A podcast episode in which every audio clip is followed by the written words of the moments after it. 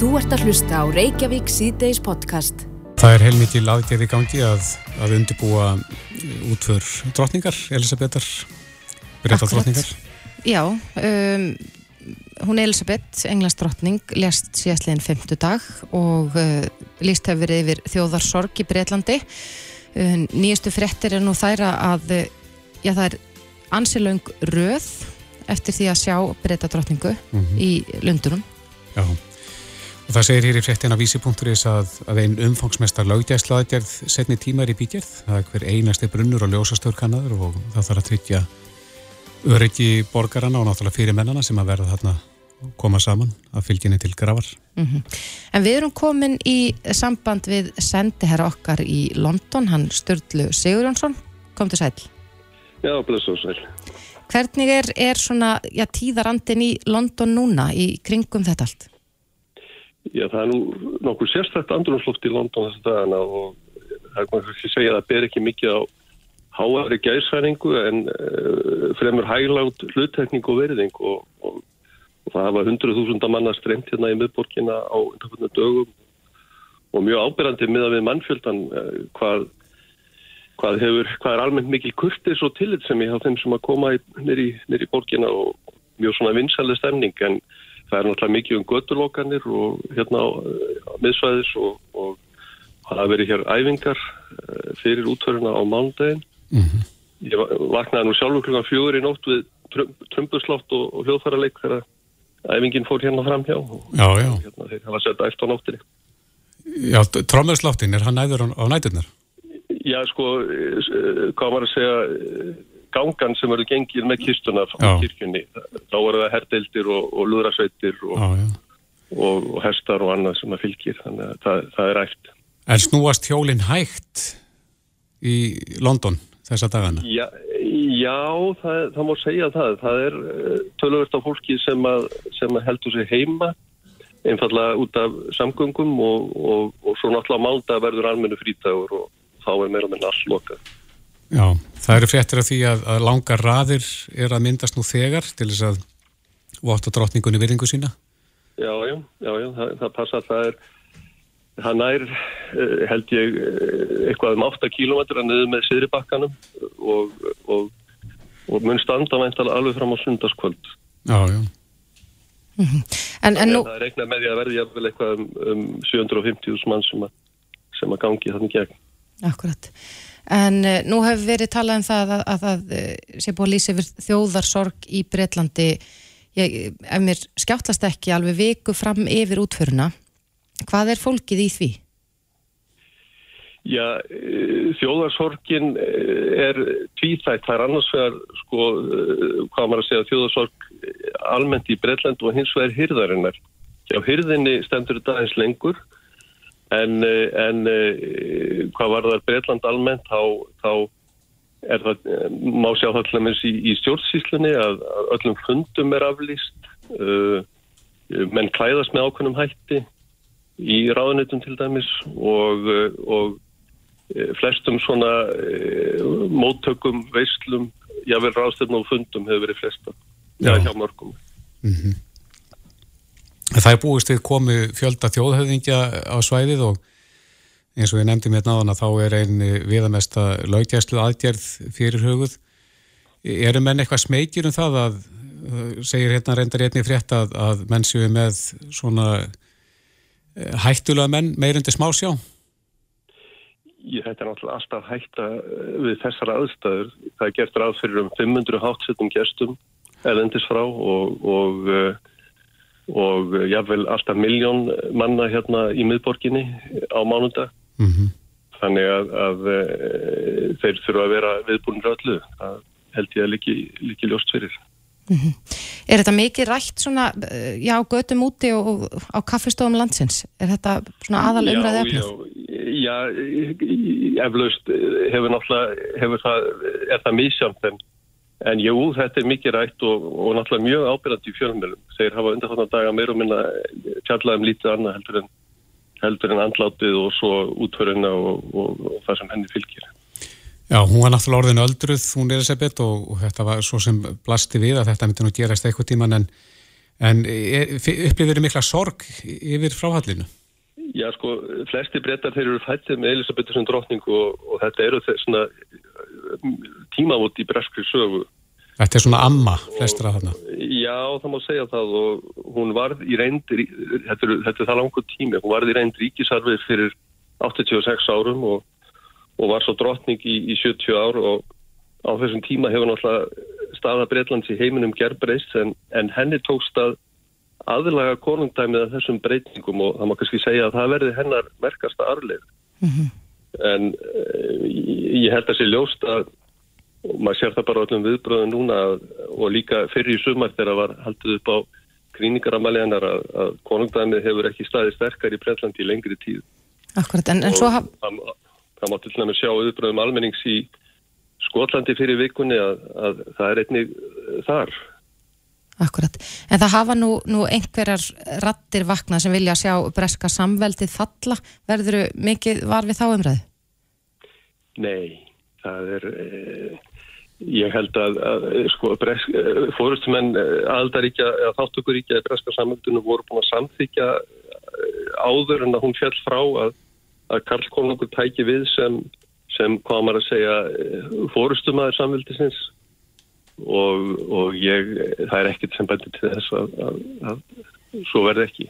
Nei, en það hafa verið í dreifinga ykkur myndbönd af pyrriðum Karli Konungi, er, er eitthvað rætt um það, það sem hann er svona að að skamast í þjónustu fólki sínu?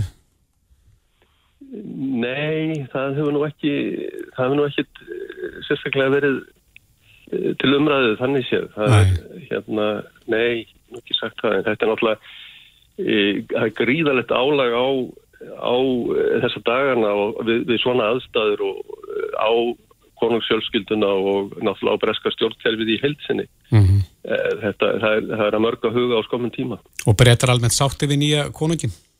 Já, ég fæ ekki betur séð að honum hafi verið mjög vel tekið og hann er nú búin að fara til Skotlands og hann er búin að fara til Norðurílands og fer til Wales á Kosta og, og hefur allstað fengið mjög góða vitum. Já, hann hefur í nógu að snúast. Já, já, heldur betur. Þetta er, þetta er náttúrulega þetta er, er stílprogram. Akkurat. Já, Sturla Sigurjónsson sendi herra Íslands í London. Við þakkum þér kærlega fyrir þetta. Já, takk fyrir það. Þú hlustar á okkur. Við hlustum á þig. Reykjavík C-Days á bylgjunni. Þú ert að hlusta á Reykjavík C-Days podcast. Já, það er ímislegt að frétta uh, af þinginu. Já, það er húastinn þingmáli núna. Já, við fagnum því auðvitað hér gaman að sjá eitthvað svona nýtt og spennandi gerast Einmitt. En það er nú eitt mál sem við rákum auðvun í sem er kannski ekki, ekki nýtt en spennandi kannski fyrir suma Já, en allir þingmenn, samfélkingar viðreistnar og pírata mm -hmm. hafa lagt fram þingsálektuna til og alþingi um þjóðaratkvæðgreðslu um framhald viðræðina við Europasambandi Og fyrsti flutningsmæður, uh, Lógi Einarsson formaður samfélkingarinnar er á línu, kom til sæl. Já, komið sæl. Já, enn á ný á að reyna við þetta gamla mál? Já, já, það er ennþá í gildi þingsálutunum til að frá 2009 sem samþykti, alþingi samþykti mm -hmm. eh, síðan voru það ríkistjórnaflokkar eh, vafð hérna framsóknar og sjálfstæðislokk sem ákvaða að draga þetta tilbaka eh, sem að svona leikur vafi á að hafa ykkur gildi. Þannig að málið er enn í lausulofti og við teljum að eiga, eiga leiða til yktar og Það er auðvitað þeirri stærða gráðu að það er bara sjálfsagt réttlæti smála þjóðin fá að segja til um það hvort hún vilji að þessar viðræður verði lita til ykta eða ekki. Mm -hmm. Þannig að þetta snýstir um að vera bara um að bera það undir þjóðina hvort að þjóðin vilji halda þessum viðræðum áfram. Já, já, algjörlega og hérna nú tilst nú kannski fáum að, að, að samfélkingin og viðreysna minnstakosti e-, e-, eru sem sagt hérna frekar jákvæð á það og mjög jákvæð á gangi í öðrupasambandi mm -hmm. en þessi tímsálutuna til að snýst hins vegar bara um að spyrja þjóðina hvað hún vilji gera og við mögum auðvitað lúta niðurstöðu þeirra ratkvæðagreyslu. Uh, eh, en sko ástæðin fyrir þetta kemur fram núna er að það auðvitað eru enni gildi eh, þau efnaðsluðu rauk sem voru kannski mest til umráðu sín tíma En, en það má segja að það hafi náttúrulega orðið bara mjög mikil vatnastil í umræðinu núna eftir að rúsa reyðust inn í Úkrænu og við sjáum að öll okkar nágrannuríki hafa bröðist við þessu Svíjar og Finnar hafa sótt um aðildar NATO verða bráðum félagar bæði í NATO og ESB. Danir sem eru það nú tegar, uh, þau hafa í stjóðaratkvæði gruslu ákveðið að, að, að, að hérna, hætta eh, fyrirvara um, um, um samstarfi ESB öryggs og vatnamálög. Þannig að nú eru þrjú af þessum fjóru stóru Norrlanda þjóðum, nágrunum okkar, komin þarna inn á báða staði. Norðmenn eru á fullu að ræða þetta núna, þannig að það er sjálfsagt að, að, að við gefum þjóðinni í tækifæri eftir upplýsta umræðu að bara ákveða um áframhaldum. En nú er líka verið bent á það að þeir flokka sem að nú sittir ríkistöðna, þeir eru ekki á þessum böksónum að, að sætja aðnum. Þurfu ekki þau stjórnvöld sem eru við völd á hverjum tíma að, að vera með þetta og geta fyllt þessum uh, svona máli eftir? Já, sko, það er svona eftir hvernig þú lítur á líðræði og hvernig við erum að nota það. Ég hef nú sagt að í nútímanum þar sem að uh, fólk er aldrei, hefur aldrei verið sem verið betur upplýst og aldrei betri fjölmiðlun og möguleikar á því að, að hérna, leita sér upplýsinga og gagna að við slíkar aðstæðu þá ættu meira að nota þjóðaratkvæðagreyslu. Vissulega var það þannig að, að, að formaður sjálfstæðisflokksins talaði um einhvern pólitískan ómöguleika. Mm -hmm. ég er bara ekki sammálunum uh, það er engin pólitískur ómöguleiki sem fælst í að fylgja þjóðratkvæðgreyslu við sjáum það nú bara frá Breitlandi til dæmis. Það er ekki út í Brexit, það var allur gangur á því hvað mönnum sem voru í stjórnmálum fannst um það. En þetta er hins vegar mál sem að flestir flokkar á þingi hafa lofa þjóðinni að gera og það var meiri segja kostningalofa sjálfstæðismann og framsóknarmanna á síni tíma sem svikur eittar að, að, hérna, að láta þjóðin ákveða þetta. Heldur að sé, þjóðin sé opnari fyrir því að klára þess að viðraði núna heldur náður? Já, ég held að minnst að þjóðin vilji klára viðræðunar og síðan er auðvitað náttúrulega rétt að halda því til haga að, að næðust samningar á milli Íslands og Európusambandsins þá er því samningurinn borin aftur undir þjóðina og þjóðin getur þá tekið bara upplýsta ákvörðunum hvort að samningurinn er nóg góður eða ekki mm -hmm. en, en það eru þetta ímislegt að gerast í heiminum og og, og, og jafnvel þó að við séum í NATO sem er varnabandalag og það er nöðsynlegt fyrir okkur að mínum að þá skiptir líka máli að við tilherum bandalagi sem snýstum að leita pólitíska lausna og semja um ágreifnismál mm -hmm. og það er mikið hagsmunum á smáþjóða af því að eins gott og það er að eiga varnir og, og, og, og tæki í svona hefbundin stríðsátök þá eru bara ímsar ógnir, fjölflótta ógnir sem að lúta til dæmis bara að, að, að hérna,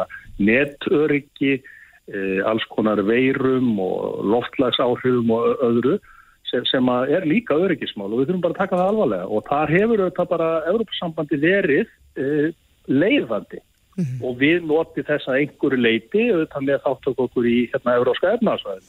Akkurat, en, en Lógi, ef við myndum gefa okkur það að, að Já, þessi þjóðuratkvæða greiðsla fari fram og, og landsmenn eru þið bara myndið taka vel í þetta, við myndum ná einhverju samningi sem við samþykjum. Hver er þið helsti kosturinn, ef þú bara þyrstir að nefna eitthvað eitt, helsti Já, kosturinn sko, við það að ganga í ESB? Já sko, að mínum að því, það eru þetta mjög ólíkt hvaða er sem að fólk sér í ESB, kostina og gallana, eh, að mínu áliti er þetta tvískipt og kannski var minni áherslan á annað heldur en hitt. Sko ég held að það skipti okkur miklu máli að uh, vera þáttakandur við borðið bara um leið og hugmyndir fæðast að lagarsetningu en þurfum ekki bara að taka upp reglugerðir uh, og hafa svona takmarka möguleika til þess að hafa áhrif á þær. Við getum auðvitað stundum sótum undan þáður eða, eða, eða, eða hérna já undan þarf frá því að taka þær upp í að bel uh, en síðan er þetta náttúrulega bara þáttaka í efru samstarfinu sem að myndi gefa okkur miklu stöðuri og, og, og betri gjaldmiðl og náttúrulega miklu, miklu læri vexti fyrir heimilin landinu sem eru auðvitað slega fólk núna. Síðan á hinbói snýst þetta bara líka um hvaða gildi við viljum fylgja okkur um.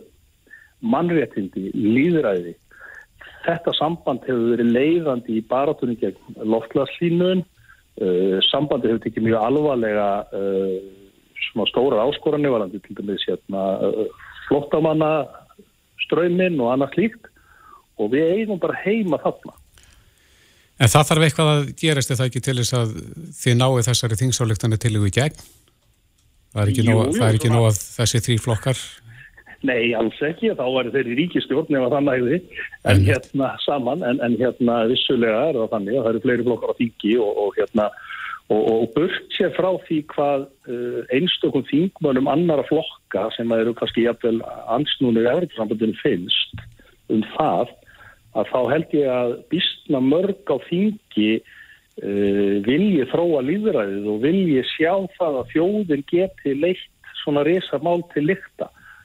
Sko það er alveg klart frá mínum dyrum að það er svo til dæmis að þessi þjóðaröðkvæði verið haldinn og þjóðin felli sagt, það að halda áfram þá frá mínu bæjardyrum séð er það bara þannig að samfélgingin mun íta því máli til hliðar í nokkuð mörg ár Já þannig að þeir sem er á móti ingöngu Íslands í Európu sambandi þeir gætu litið þá til þess að þetta er það bara afgriðt út á borðinu að þjóðum myndi þá hafna þessu í þjóðaratkvæða greiðslu Já ég menna báðir aðilar eru þau náttúrulega skuldbunda sig til þess að fylgja leðsök þjóðarinnar. Ég held að það liggi í augum uppi.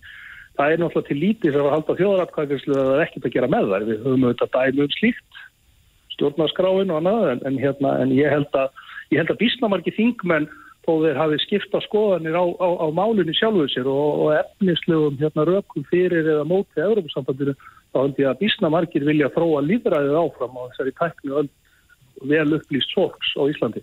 Já, Ég segi bara að það verður spennandi að fylgjast með því hvort að, að þessi þings álöftuna til, til að náðu fram að ganga. Já, við ætlum líka að, já, við ætlum að setja inn á vísi svona litla þjóðaratkvæðagreyslu eh, frá þættinum og aðtökunni fólk tekur í þetta.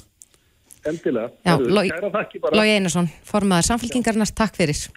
Takk sem leiðis, bless. Þetta er Reykjavík C-Days podcast.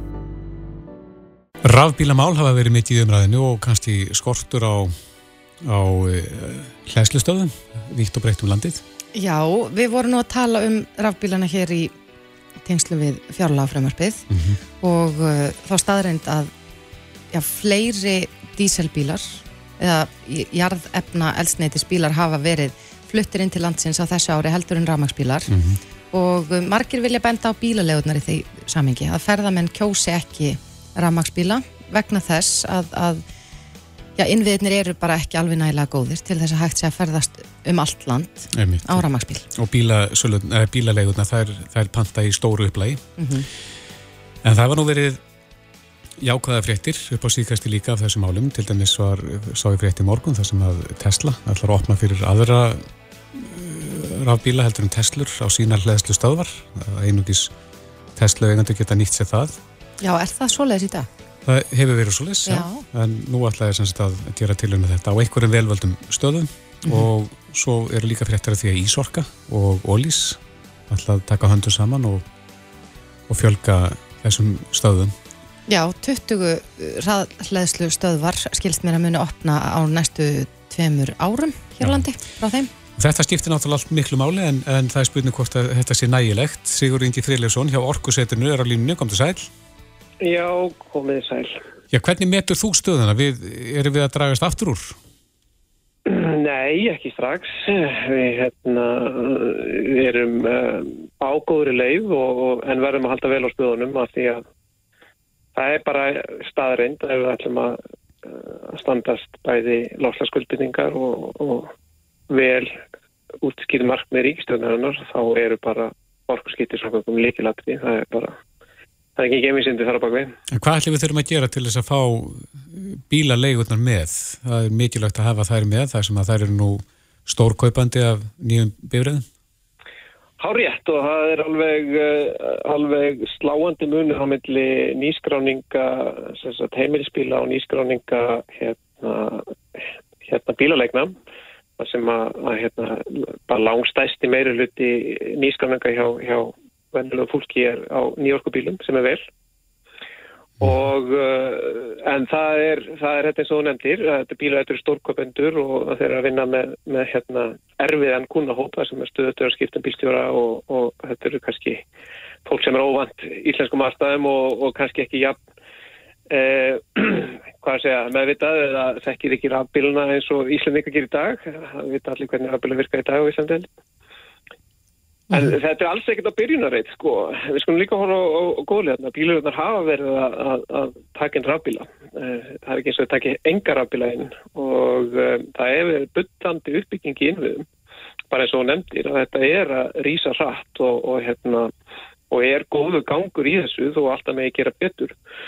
Og uh, uh, ríkisvaldi hefur myndarlega stutt við þetta og ymmið til þess að snerta á framtíða mögulegu ferðarþjónustan að skipta þarna yfir sem er algjörlega nöðsilegt og, og hérna bæði með því að styrkja þá hraðlistöður þannig að ferðarmenn geti þá fleitt sér til dæru hratt á milli landsvæða en ekki síst líka á uh, sem sagt uh, gististöðum og uh, við ferðamannastæði, sundlegar og, og, og þekktar svona náttúrperlur Mhm. uh, hefur verið styrt mikið stöðum og þetta er að rýsa mjög hratt og víða þannig að, möguleikarnir eru að opnast og, og einhver tíma búin verður við að því það er og veru tölfræðilega gengur ekki að uh, halda bílarlegunum mjög lengi út fyrir siga í svona rafæðingu af því að, að þetta er svo tölfræðilega stór biti í okkar eh, hérna, bílatölfræði. En, en þú segir að þetta er að gerast hratt, en er þetta að gerast nægilega hratt? Þurfum við að, að spýta enn meira í lófana í þessum öfnum? Já, við þurfum bara að vinna sama líka. Uh, þetta, þetta gerist rætt og svo er náttúrulega takmarkanur hérna. Það, við erum að lendi í sveins og öðru að hérna, það er ekki bara við í byllandi inn við uppbyggingu. Það er allur, allur Evrópa og fleiri eru að, að, að setja upp þessi stöður á hverju sekundin ánast. Þannig að það líka bytist aðeins um, um hérna um hraðhelstu stöðvarnar en það lagast óandi satt. En eins og ég segi, þurfum að vinna saman, það er ekki bara að stjórnvöld styrkja þetta, heldur verður líka bara geirin átt að segja á að þetta er þjónusta sem verður að vera til staðar, bara eins og e, við getum, bara eins og að þegar eh, Wi-Fi eða hérna nettingingin var að koma, ég muni það eða nógu gömur, að það var svona auka afur hjá nokkrum hótulum og, og hérna, svo var þetta fljótt að, að grunnskilirði og hérna, og raun og verður þá tímapunkti einhverjum uh, slíkum að sama fyrir fyrir gíslistað, þeir verða hreinlega að bjóða gestur sínum upp á að hlaða því að þeir vilja koma fullstæðinu bíl. En svo þurfum við líka bara kannski að hafa hugur ekki til þess að á einhver tímapunkt að taka skrefið og segja bara kæri ferðamæður, ef þú ætlar að koma til Íslands þá verður þú bara líka að, að, að ferðast um á íslenskri orku umhverfisvætni og, og, og, og góðri því þannig gerum við þetta hér. Já, það geti verið hluti af upplifuninni. Nákvæmlega og að fara að marka sér til þannig að þannig að fólk sé undirbúið sé ekki, að þetta sé ekki einhver svona jaðar möguleiki, heldur þetta sé normið. Og þú fyrir að hafa einhverja sérstaklega góður ástæði til þess að velja ekki rafbíl. Frekar en að hafa einhverja sérstaklega góður ástæði til þess að velja rafbíl. Og það stýst líka um markasetningu ég held að þetta sé það er hvergi betra og meiri upplifun að keira rafbíl enn á Íslandi. Er náttúrulega, það er bara fallegustu bíltúrar heims er á Íslandi. Og með þá vittneski að þú sérst að keira algjörlega jarðefni allsneiðis laust af því að kerfið okkar er náttúrulega 100% grænt sem er einstakt. Já, en talandi um þessa þróun, það hefur líka verið talað um það í tengslu við umræðum fjárlagafrumvarpið að ívillanir falla niður á næsta ári og margir segja að það sé bakslag í, í, í þessari uppbyggingu. Hvað segir þú sem að lifir og hræris, hræris í þessum málum? Já, klárlega, þetta verður algjörlega óbreytt e, þá er því það bakslega en við skulum nú spyrja á leikslokum að því að, að markmið ríkistjórnar er alveg skýr í þessum málum. Við erum að fara í söðu orkurskipti og verðum að fara í söðu orkurskipti og ætlum að vera til fyrirmyndar í þessum málum. Þannig að e, menn eru bara að núna akkurat að dansana línundans að, að, að jafna út þetta hvernig við hérna mætum tekjutabi og, og, og slíku. Uh, þannig að á endanum eh, hef ég nú persónulega fullt að trú að við náum einhverju lendingum að það sem þetta eins og nákvæmlega sett upp svona verði nú ekki raunin að því að, að hérna að e, það þarf að, að ívilna innkaupum á rafbílum og ég hef alveg sínt fram á sjálfur í greinum að að til þess að byrja að mæta tekjutapinu þá sé uh, vel hægt og, og nokkuð sátt um það að rafbíla fara að borga kílometragjald eða einhvers konar útfærslu á því. Þannig að við séum raun og veru að jafna leikin þar upp á tekjur af sjálfum akstrinum til að standundi vegakerfinu og öðru.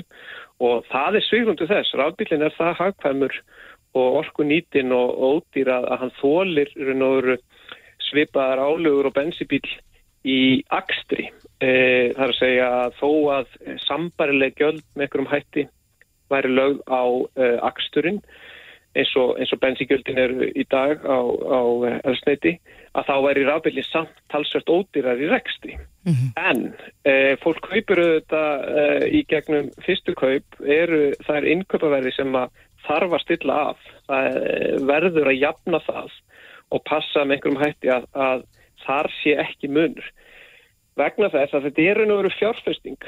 Ríkið er ekki bara að tapa því að ívilna rafbílum. Þetta er fjárfesting í svo miklu. Þetta er fjárfesting í því að lækka framtíða kostnað við uh, eh, losunarskuldbyttingar. Mm -hmm. Við lendum í kostnaði ef við, við gerum þetta ekki og við erum að fjárfesta í orku öryggi og minni mengun. Gjaldir í sparnaði? Sparnaði og við erum að fjárfesta í svo miklu sem gefur henni afstíð. Þannig að má, verðum að hætta að líta á þetta sem eitthvað eitthva tap. Mm -hmm. En margir líta nú á, á sko nýja rafbíla sem luxusvöru, þetta er nú ekki, ekki ódýrustu bílarnir. Er þess að vænta að, að það verði já, enn ódýrari? Er það í svona nánustu framtíða að já, allir geti fjárfesti í slíku? Já, ég get fullir það, en það er smá tími í það. Það sem bendur alltaf þess bæði að, að fjölbrytileikin er komið mjög hratt inn og þetta byrjar á ofan, þetta er bara svo flatskjáðarnir, það var luxusvara einu sinni en er orðin verkamann að vera í dag. Þetta er nákvæmlega sama með, með hérna, uh, rafbilna. Það byrjar ofan frá í luxusnum og þetta færist niður og það mun gerast sem og að batteritæknu og batterikostnaður er alltaf að lækka. En við erum að horfa á í að við þurfum að brúa 5-6 ára uh, hérna, bil og ég fullt að tóa eftir það séu sé við rosalega góða málum og raun og veru að þá verðir rafbilar í öllum tegundum á öllum verðum í búið fyrir alla. Akkurat það. Já, þetta er áhugavert. Sigurður Ingi Fridlefsson hjá Orkusitrinu. Kæra þakki fyrir þetta. Takk sem leiðis. Þetta er Reykjavík C-Days podcast. Nú ætlum við að hverfa örlítið aftur í tíman. Mm -hmm. Það þótti mikil mildi á menninganótt uh, að ekki skildi að hafa farið verð þegar að tveir ofurölfi aukumenn já, ógu inn í mannmerð þar sem að götur lokanir voru í gildi. Mm -hmm en okkur skilst að, að það hefði mátt haga öryggismálum þarna í miðbænum við þetta tilöfni tölvest betur. Já, hann er komið til okkar, eh, Böðvar Tómasson, byggingar og brunaverkvæðingur og frangværtastöru Örugverkvæðistofu, velkomin. Já, takk fyrir. Þú er sérfræðingur í, í svona málum, hvað, hvað hefði átt að vera öðru vísi svona, eh, hvað þetta varðar? Jú, það er rétt við Örugverkvæðum að mikið öryggishönnun og öðru slíku og mm -hmm. í mhm. þessu tilviki getur maður sagt að eins og frettin saði í raun og verið að það var mikil mildi að það ekki fór verð og uh, þarna voru í gildi svo sem uh, sko, uh, lokanir, götu lokanir mm -hmm. en spurningin er auðvitað í svona mannmerðu við þessar aðstæður hvurslars götu lokanir þurfa að vera til að tryggja öryggi fólks það er einhver ekki nóg að loka bara með svona hefðbundum hætti þar sem að fólki er vísað frá heldur þarf auðvitað að tryggja varnir með þannig hætti að það sé ekki hægt að keira inn í svona mikil málfjölda. Hvernig er það gert? Það er gert með ymsum hætti. Eh, maður getur hugsað sér að svona á stöðum þar sem að er stöður eða oft mikill mannfjöldi, mögulega eins og í miðbænum mm -hmm. ákveðum, tímum eins og þessum háttíðum sem er nýri bæ, kringum jafnvel íþróttamannverki sem við sjáum mikið elendis í dag og, og svona skemmti svæði, að þá séu byggðar inn bara fastar varnir sem er það annarkvört einhvern veginn hluti af landslæginu eða einhverji stólpar eða slíkt eða, eða svona einhvers konar varnir sem er með stólpum sem hættar að taka upp og niður mm -hmm. það sem við erum að reyna að gera allan í svona hönnun í dag örgishönnun mannverkja að við erum að reyna nota svolítið landslægið og, og umhverju bygginga til þess að mynda þessa varnir. Þannig að það verði ekki svona áberandi svona steipu klumpar eða eitthvað slíkt sem að, sem að hérna, stinga kannski marga í augun. En nú eru kannski einhverjir sem að hrista hausin og segja við erum á Íslandi þarf eitthvað svona hér? Já, við sjáum þetta allt í kringum okkur, mörgur sinnum ári jafnvel í Svíþjóð og, og oft í Breitlandi, Þísklandi og viða, bandarækjum auðvuslega, uh, mjög mörg tilvik þar sem að hefur verið kert inn í mannfjölda bæði, er þetta viljandi og óviljandi líka. Mm -hmm. uh, og málið það að við sjáum líka það nú ekki mörg að síðan var kert inn í flústulis Erikssonar til dæmis.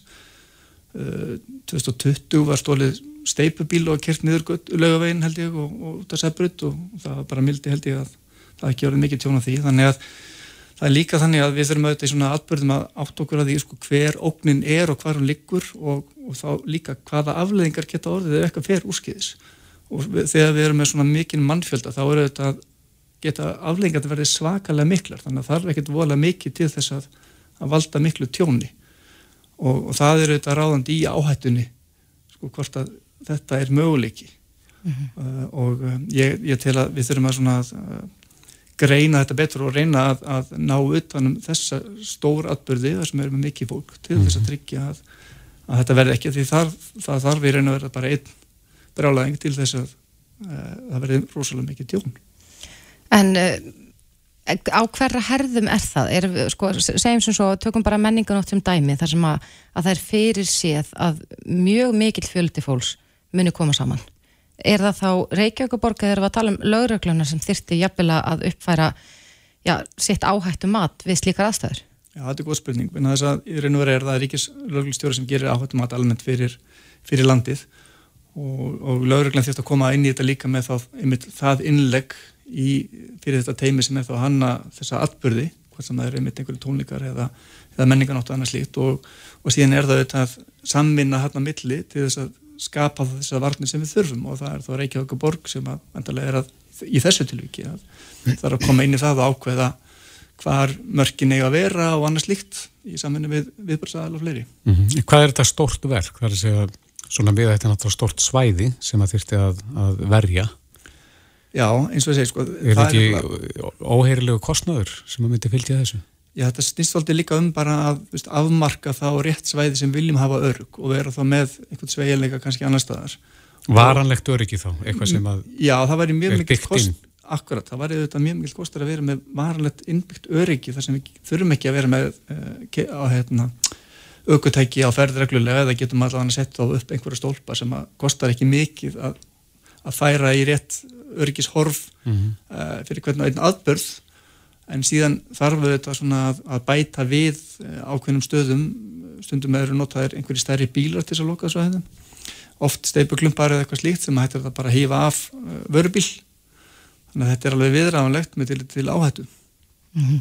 Við vorum nú áðan hérna að tala um ástandi í Lundunum þar er alltaf verið að, að tryggja öryggi Já, það talaði um umfangsmestu löggæslu aðgerð setni tíma þar sem við verðum að kanna allt ætli þetta sé allt byggt á áhættumatti á til dæmis einum brjálæðingi sem að ætla sér eitthvað illt. Já, það er alveg bótið. Þarna verður að fara í gegnum mjög ítalegt áhættumatt og reyna að, að reyna að sjá fyrir alla mögulegar óknir og hvernig, hvernig þær geta haft áhrif á þennan svakala fjölda sem það er. Þarna er náttúrulega að tala um miljónir að en umfóngið er auðvitað í samræð með það.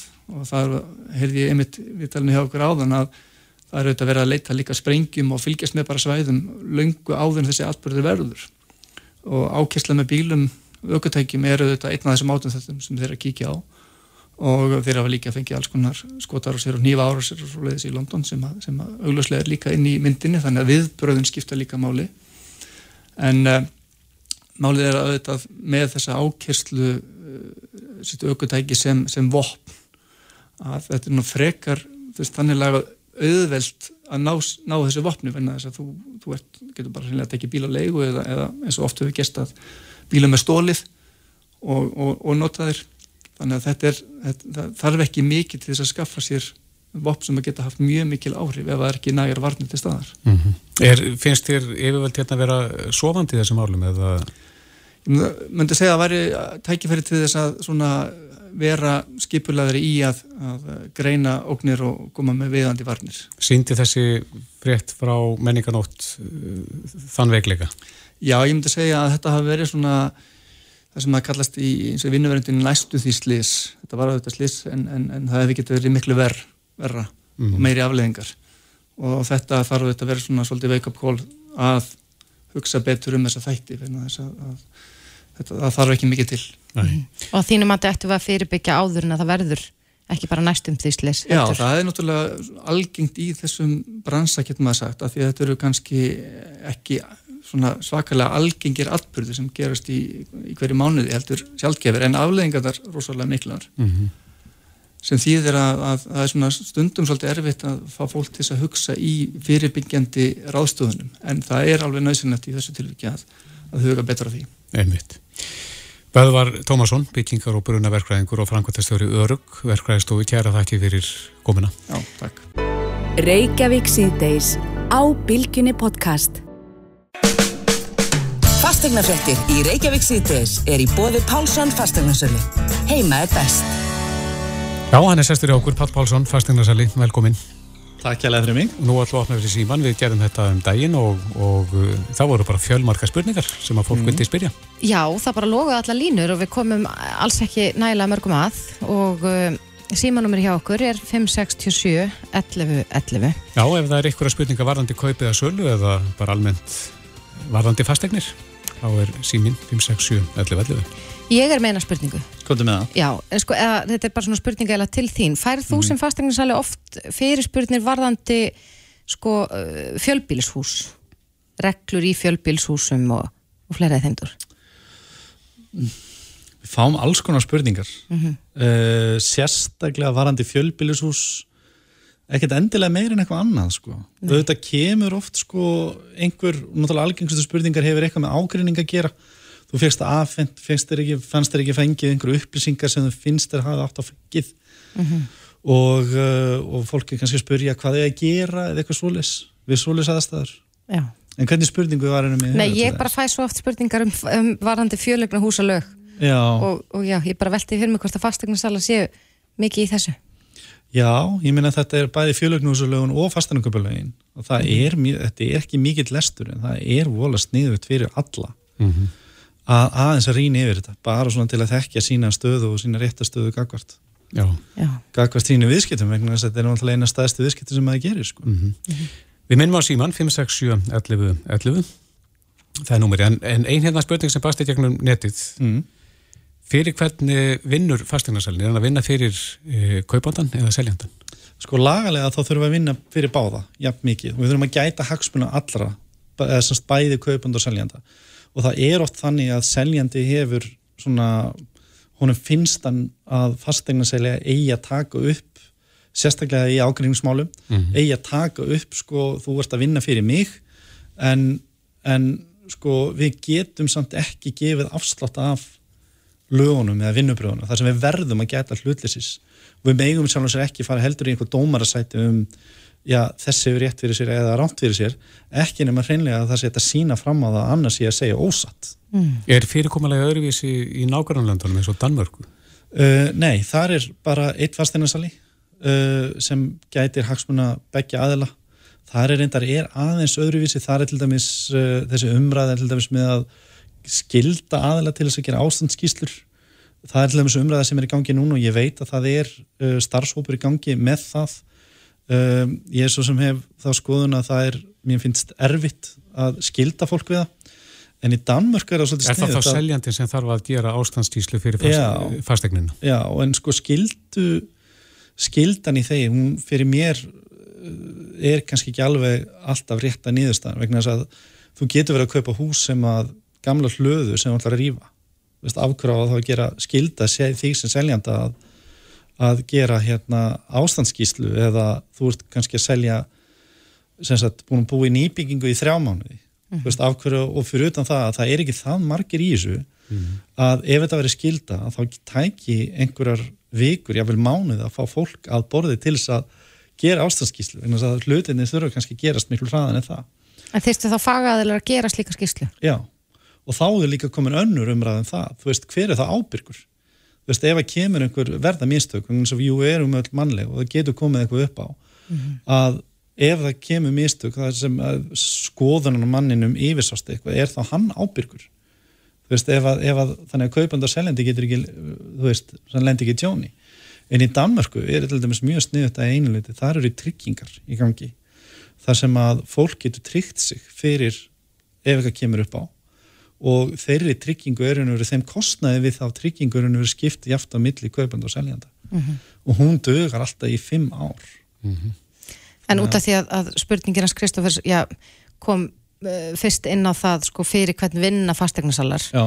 en nú hefur umræðan kannski verið svolítið meiri þáttina Mhm. að, að já, fastegnarsal beri hag seljenda fyrir brjósti Einmitt. þar eru liggja peningarnir, sölulaunin Mhm. í, í sölu á fastegnum 100% en, en eh, eru eru þið sem stjætt, ég ætla nú ekki að spyrja svona en, en spyrja. heiðarlegir upp til hópa og, og, og eruð gætið jafnræðis Það þegar eru- kemur að kaupendum og seljendum. Já, sko, það eru mjög fáir fasteinansalar sem ég þekki, ef einhverjir sem að tekur þetta ekki mjög alvarlega.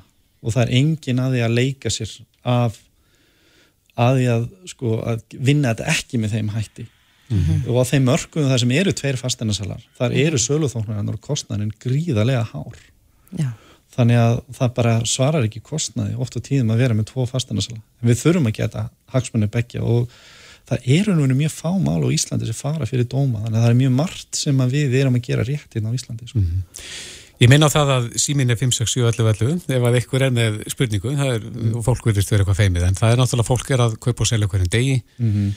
og eflust eru einhverja spurningar sem að fólk er með svona í kollinum svona sem er á þessum buksunum þá er, e, ert þú hér til að svara þeim spurningum 56711 En svo eru ýmsar fréttir líka af fastegnumálum. Það er, Mhm. er búið að vera að tala um það að já, íbúðum sem að seljast á, yfir ásettu verði, þeim fækkar og það eru miklu fleiri íbúður til sölu núna heldur um voru. Er þetta ekki bara gleði fréttir fyrir alla? Jú, þetta, við erum að ganga inn í tímabil sem er svona, við erum að fara aftur í þetta eðlega horf.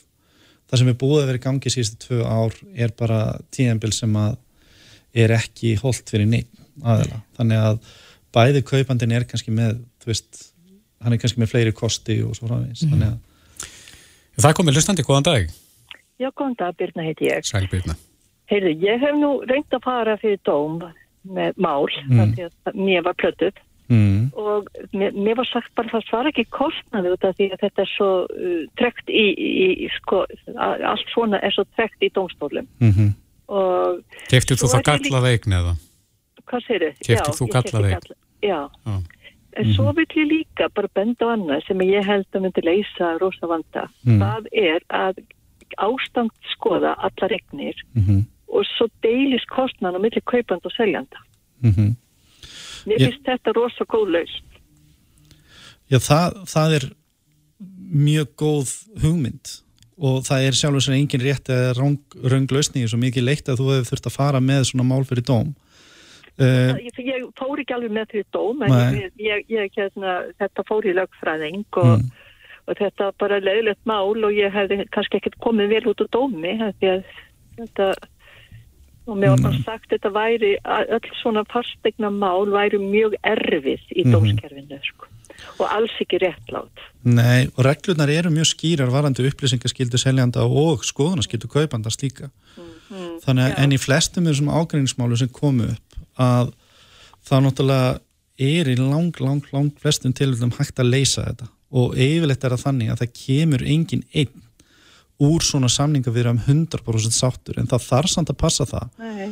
að báðir aðila, bæði kaupund og selnætti koma svona cirka 80% sáttir úr þessu og 20% ósáttir þannig að það séu jafn sáttir og ósáttir eða skiljaði þannig Já, ég skilði alveg þannig og ég veit líka að ég keipti á þessu tíma sem að þurfti ákvæðsi bara þegar maður lappaði þröskustinn, sko. En Já. eh, nú er það róast kannski. En ég myndi vilja koma á þessari reglu að, að það, það er bara skilda að ástandskoða eign þegar hún setti sölu og svo skiptis Mér finnst það rosa góð hugmynd. Já, hún er bara komin út í lofti núna og nú getur bara almenningur hérna meld þetta. Kæra þakkir. Bless, bless. Já, takk. Þegar við komast ekki lengra því miður þá náðum við bara einum hlustanda þessu sinni. Já, en við ætlum að reyna þetta aftur síðar þannig að þið getur bara að byrja að sapna í sarpinn spurningum. Algjörlega. algjörlega. Pall Pálsson, fastegnarsali. Við sjáumst að viku liðinni. Já, bara þess að gott. Hlustaðu hvena sem er á Reykjavík C-Days podcast. Já, það má segja það að, að þingmenn Pírata sitja ekki auðum höndum, þing er komið saman og, og uh, nú hefur litið dagsins ljós frumvarp þar sem lagt er til ba að bann við klámi verði afnumið. Já, hvað býr það að baki? Já, þe- þetta er auðvitað mjög gamalt bann, þetta er búið að vera við liði hér í að ég held 153 ár, svo ég sé alveg nákvæm. Já, ég var til að vita sko hvað, hvað er bannað við klám í dag? Er, er bara bannað að hafa klám yfir höndum eða? Þau eru allavega sest hjá okkur í dag, Björn Levi Gunnarsson og Artís Anna Kristínadóttir Gunnarsdóttir, þingmenn Pírata sem að lögðu fram þetta frumvarp. Komið sæl. Sæl. Sæl. Eru þið með svör við því? Hvað, hvers konar klám er bannað? Eh, Það er, það er mjög góð spurning og það er kannski hluti af því sem að er að tekið á í greinagerð með frumvarpinu og kannski hluti af ástæðinu fyrir því að við ákveðum að, að fara í þessa vegferð. Mm -hmm. uh, klám er náttúrulega ekki skilgreint í, í íslensku lögum. Það hefur verið skilgreint af domstólum, íslensku domstólum í rauninni bara sem uh, kynlífsatafnir á prenti talsvert vítt, mm. víttækt sem er áhugavert vegna þess að það er mun vítakari skilgreining heldur en samkvæmt klámbanni sem enn fyrir finnast í lögum annara ríkja þar sem að er kannski uh, frekar verið að takmarka banni við uh, eitthvað skonar ofbeldi eða annað sem að, sem að brítur á réttindum einhvers og, og slíkt, þannig að mörkinu sett þar en það er ekkit svoleiðis í okkar klámbanni, við erum bara með almennt klám bann við byrtingu og dreifingu kláms og það er... Og skoða það líka? Uh, nei, held að það sé nú ekki... Yeah. Það er, það er ekki ómögulegt held ég Já, ég held líka að það var ég, það er ekki, það er ekki nei, Þannig að heimsóknir inn á klámsýður á netinu til dæmis er, er ekki ólulegt Það er ekki refsuvert eins og staðin er í dag mm -hmm. Mm -hmm. og já En hver er, hver er svona ja, hvers vegna ákveðið að leggja þetta fram? Þetta er nú ekki fyrsta sinn sem að þetta hefur gert það nokkuð þetta, þessi umræð er ekki koma alveg upp nýja nálinni núna. Þetta hefur verið rætt í talsveit langa tíma. Uh, ástæðan er kannski fyrst og fremst trú, en maður á bara orðað mjög einfalt að, að við erum ekki lind, lind lögjöf sem þjónar einhver tilgangi. Það er kannski svolítið það. En svo eins og þú nefndir hérna áðan, þá er þetta bann sem við erum með í okkar lögum, það er 150 ára gamalt og það byggir á uh, bara síðferðis, síðferðisjónamiðum sem hafa einfallega breyst í dag. Í dag hefur all umræða um kynlíf og, og kynhegðun og kynfrelsi, hún hefur opnast mm -hmm. alveg upp á gátt og það hefur síðan samhliða orði byltingi, upplýsingatækni og annað og í dag er kannski eru, ef, ef að svona bann er því sett í dag þá er því það á allt öðru fórsendum, þá myndi það aldrei snúast um held í þessi þetta, þessi síðfyrirslu sjónum eða klámsi eitthvað eitthva ræðilt og ógislegt heldur myndi það alltaf snúast um, um vernd þólenda mm -hmm. í einhverju mynd. En þetta bann eins og það er í, í íslensku lögum að það gerir það ekki. Og þvert á móti viljum við meina að þetta sé eh, eitt af þeim refsi ákveðum sem við erum enn með í okkar lögum sem í rauninni setja ef að það á að tala um einhverja þólendur í þessu samhengi eh, setja þá í erfiðra stöðu heldur en þeir væru ella ef þetta væri ekki, ekki bannað. Nú eru einstaklingar hér sem verið að framlega klám eins og til dæmis og OnlyFans er það lögbrott í stilningi í lagin? Akkurat, samkvæmt núgildandi lögum, já. Já. Alveg. Allavega hér á, hér á landi og dreifaði hér á landi, það er smönd alltaf flókið. Já, lögreglan aðhefst ekkert í þeim álum. Jú, eða þú veist allavega hótar því. Já, já. já og, og skatturinn verið segja sko skiptið sér af þessu líka sem er doldið merkilegt að að þessari einstaklingar verða að passa að borga sko skatt af því þessari sem tekjum í sínum. Að þessari klæpastarfsemi en, en út af því að nú eins og OnlyFans þetta er náttúrulega ekki vefsíða sem er hýst á Íslandi gæti lögreglan aðhafst eitthvað í þeim málum þar sem um er að ræða bara einhvers konar portal fyrir klám á heimsvísu? Þetta er það sem að einmitt gerir þetta líka áhugavert mm. og gerir þetta ákvæði algjörlega úreld. Það er ekkert tekið á því í þessu ákvæði og þetta er sennilega eina af ástæðan þess að lögreglan hefur hún, hún aðhefst ekki uh, að öðru, öðru leitin því eins og Björn nefnir í rauninni að hvað ég var að segja áreita fólk sem að er, er að, framlega þetta og framlega það á einn fórsundum og sjálft og annað, það er svona eitthvað sem ég held að svona samkvæmt okkar síðferðisviðmiðum í dag er ekki, ekki neitt slæmt. Þá, að okkar sko í dag sjónamið snúast náttúrulega bara um, um allt annað, allt aðra hluti þegar kemur að, að glámi mm -hmm. Þannig að er, eh, þetta fólk akkurat er sett í þá stöðu að vera einhvers konar glæpamenn. Þegar að það er ekki að gera neitt sem að er ætti kannski að vera endilega ránt og það gerir það líka verkum að þau hafa minni aðgang að uh, vernd, að heilbreyðustjónustu, þau hafa miklu minni vernd heldur en þau hefðu ella ef það, þetta væri ekki svona, uh, hvað ég var að segja, va, va, einhverju vafa, einhverju rosa gráu svæði löglegt, ekki löglegt og bara beinlinis refsivert.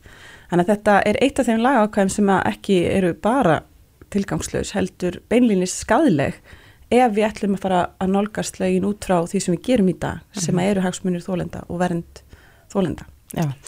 En uh, já, nú hefur við mikið fjallað um klám undanfartna daga eða bara kannski meira klám áhorf ungra barna, jafnvel börn á sko fyrsta stigi í grunnskóla sem mann er fyrst auðvitað óhugnalegt Akkurat. vegna þess að það sem byrtist í klámi er ekki endilega endur speiklara alls ekki raunveruleikan. Uh, Haldið þið að já, ef við afnum þetta klám banna þetta myndi hafa einhver teljandi áhrif út í samfélagið? Það held ég alls ekki. Myndi allavega ekki sko breyta aðganginum að því á neittnátt ekki, ekki neitt. En það takmarkar það, þetta bann það takmarkar ekki aðgang Nei. barna að klámi eða neins eða... Þrátt fyrir bannið er það, er það að gerast akkurat, sem er að gerast núna. Akkurat, sem er mjög alvarlegt. Já og það er kannski svona helsta atriðið svona sem að allavega ég svona pota í verðandi þetta mál að uh, það er ofbeldis vingilin og mjög margir sko tólka orðið kláminn falla og tengja það við ofbeldi sem að er bara ákveðin málvitund sem slík. Uh, við skulum hafa samt alveg á hreinu að ofbeldi er bannað samkvæmt ímsum öðrum lögum. Þannig að það er í rauninni óþarfi að hafa sérstakt klámbann ef það á banna ofbeldis hlutan sem að margir kannski tengja við þetta nöðungina og ímslegt svoleiðis. Mm -hmm. Þannig að, að e, allavega frá mínu, mínum bæðurum síðan, þá erum við í þessum aðstæðum þar sem aðgengið er eins og það er og það vantar frekar eiginlega sko fræðsluna um það hvað sé ofbeldi.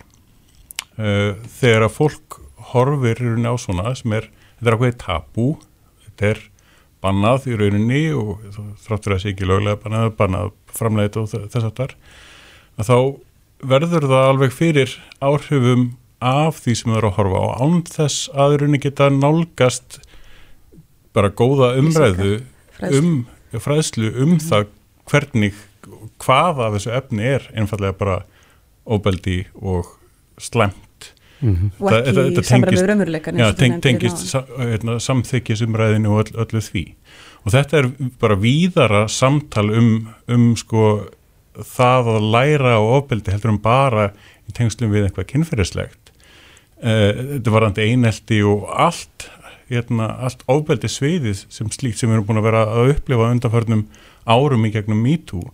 Mikið af því er af því að við höfum ekki átt heiðalegt samtal um hvað er ofbeldi sem þýðir að við þekkjum það ekki þegar við verðum fyrir því og getum ekki brugðist við því á viðingandi háttið að leita til réttra aðela upp á það hvað, hvernig hvað er að gerast. Mm -hmm. Ég held líka að það, sé, það sem er mikilvægt þarna og það er svo uh, í rauninni jákvægt að þessi umræða kom upp á sama tíma, ég er með sko var reynda bara undirbúið að drauga þessu frumvarpi þegar þetta síðan kemur þarna upp, þessar niðurstöður og uh, það, það, það er mjög mikilvægt að taka þessa umræðu saman vegna þess að það má jafnvelfæra rauk fyrir því að klámbanið eins og það er tólkað í íslensku lögum í dag myndi takmarka getu uh, fólks og þjóðfélagsins til þess að fræða til þess að fræða og upplýsa börn. Já, og líka bara kynlíf. Já. Já, og að því að skilgreiningin á klámi er svo viðtæk eins og lögin eru hjá okkur.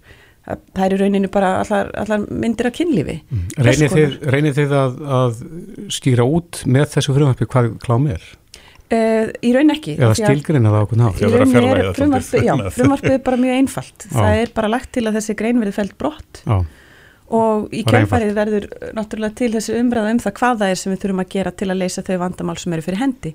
Hverjir eru, er, hver eru líklegi til þess að setja sig upp á móti þessu frumvarpi ykkar? Þetta er bara mjög viðkvæmt mál fyrir mjög mörgum.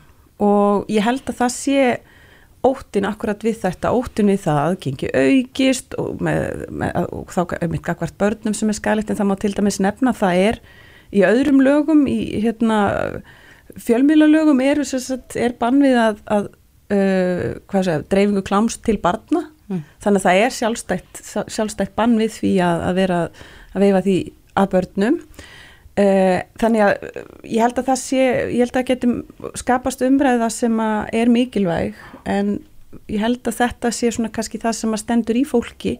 Ég er ekki vissum að það sé andstaða við það sem við erum að reyna að gera og það sem okkur gengur til heldur held ég að það væri eh, frekar sko úræðaleysi, það er náttúrulega þess vegna sem mannskeppnan hefur gegnum tíðin að aldrei gripi til banns og refsingar, það er þegar hún hefur gjönur úræði, þannig að á sama tíma er svo mikilvægt að við tökum umræðina um það hvernig leysum við þetta? Þetta sem kemur upp í þessari rannsókn sem var byrt hérna um daginn varðandi til dæmis kláma áhór ungra batna sem að hafa mögulega ekki haft hugmynd um hvað kynlíf væri áður en að það er því ber fyrir augu einhvers konar kynlíf sem að einmitt er ekki kannski í samræmi við það sem að, sem að er hægt að kalla virðingafullt og, og, og, og svona, já, kynlíf með samþykja allra á annað þannig að það, það er kannski umræðan sem við þurfum að vera að taka og Egið stöðning vísan á þingi? Hvernig haldi þetta gangi? Tja, Ja, þetta verður á- langur ferill Er þið með eitthvað meðflutningsaðila úr öðrum flokkum? Við erum bara tvö. Þið eru bara tvö? Já. Já. Áfram varps já Já, það verður spennandi að sjá hvern, hvernig þetta fer og þetta er búið að, að, að þetta var nú tekið, það var nú umræðu um, um kláma á þinginu bara í fyrra eða ekki, það sem var verið að tala um að mögulega þurft að koma á einhvers konar rafrænum skilríkjum til þess að fólk gæti hort á klám. Það var vísir að því á það stór hættuleg tillaga sko því að hún, hún er svo miklu miklu við að mér. Þetta, hún, hún rýmar við sko tillögu Ömundar Jónassonar hérna fyrir nokkur árum síðan um að banna dulkóðun á netinu til þess að vera nátt að njóstna um alla svo að verður örglega ekki að dreifa skólulegu efni. Bara eh, við sko Mjög þetta hugmyndir. svo mikinn skort á skilningi á því hvernig bara sagt, eh, dreifing virkar, hvernig interneti virkar og, og hvernig það er ekki háð því að einhver eiga norður í Allandshafi getur bara sett bann. Og þar, þar með er það bara, er málið leist það er bara langt frá því að það bara geti fræðilega gerst. En það sjáum við afleiðingarnar af núverandi ástandi núna. Þetta er nákvæmlega sama og með áfengislöggjöfuna til dæmis það sem að það er hægt að panta uh, áfengi af, af netinu frá er, erlendis frá en ekki innanlands. Það er, þetta er nákvæmlega sama þetta er nákvæmlega sama með afklapavæðinguna í, í vímöfnum þetta þetta er gegnum gangandi einhvern veginn búið að, að sagt, komast fram hjá því að, að bann uh, við því sem að er bara eðlilegur hluti af samfélaginu, jafnvel óeðlilegur hluti af samfélaginu, er ekki það sem að hefur skilað okkur góðum árangri.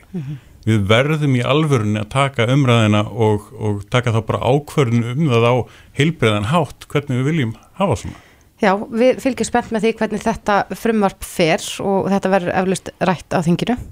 Uh, Björn Levi Gunnarsson og Artís Anna Kristjánadóttir Gunnarsdóttir, Þingmenn Pírata. Kæra þakki fyrir komuna. Takk fyrir.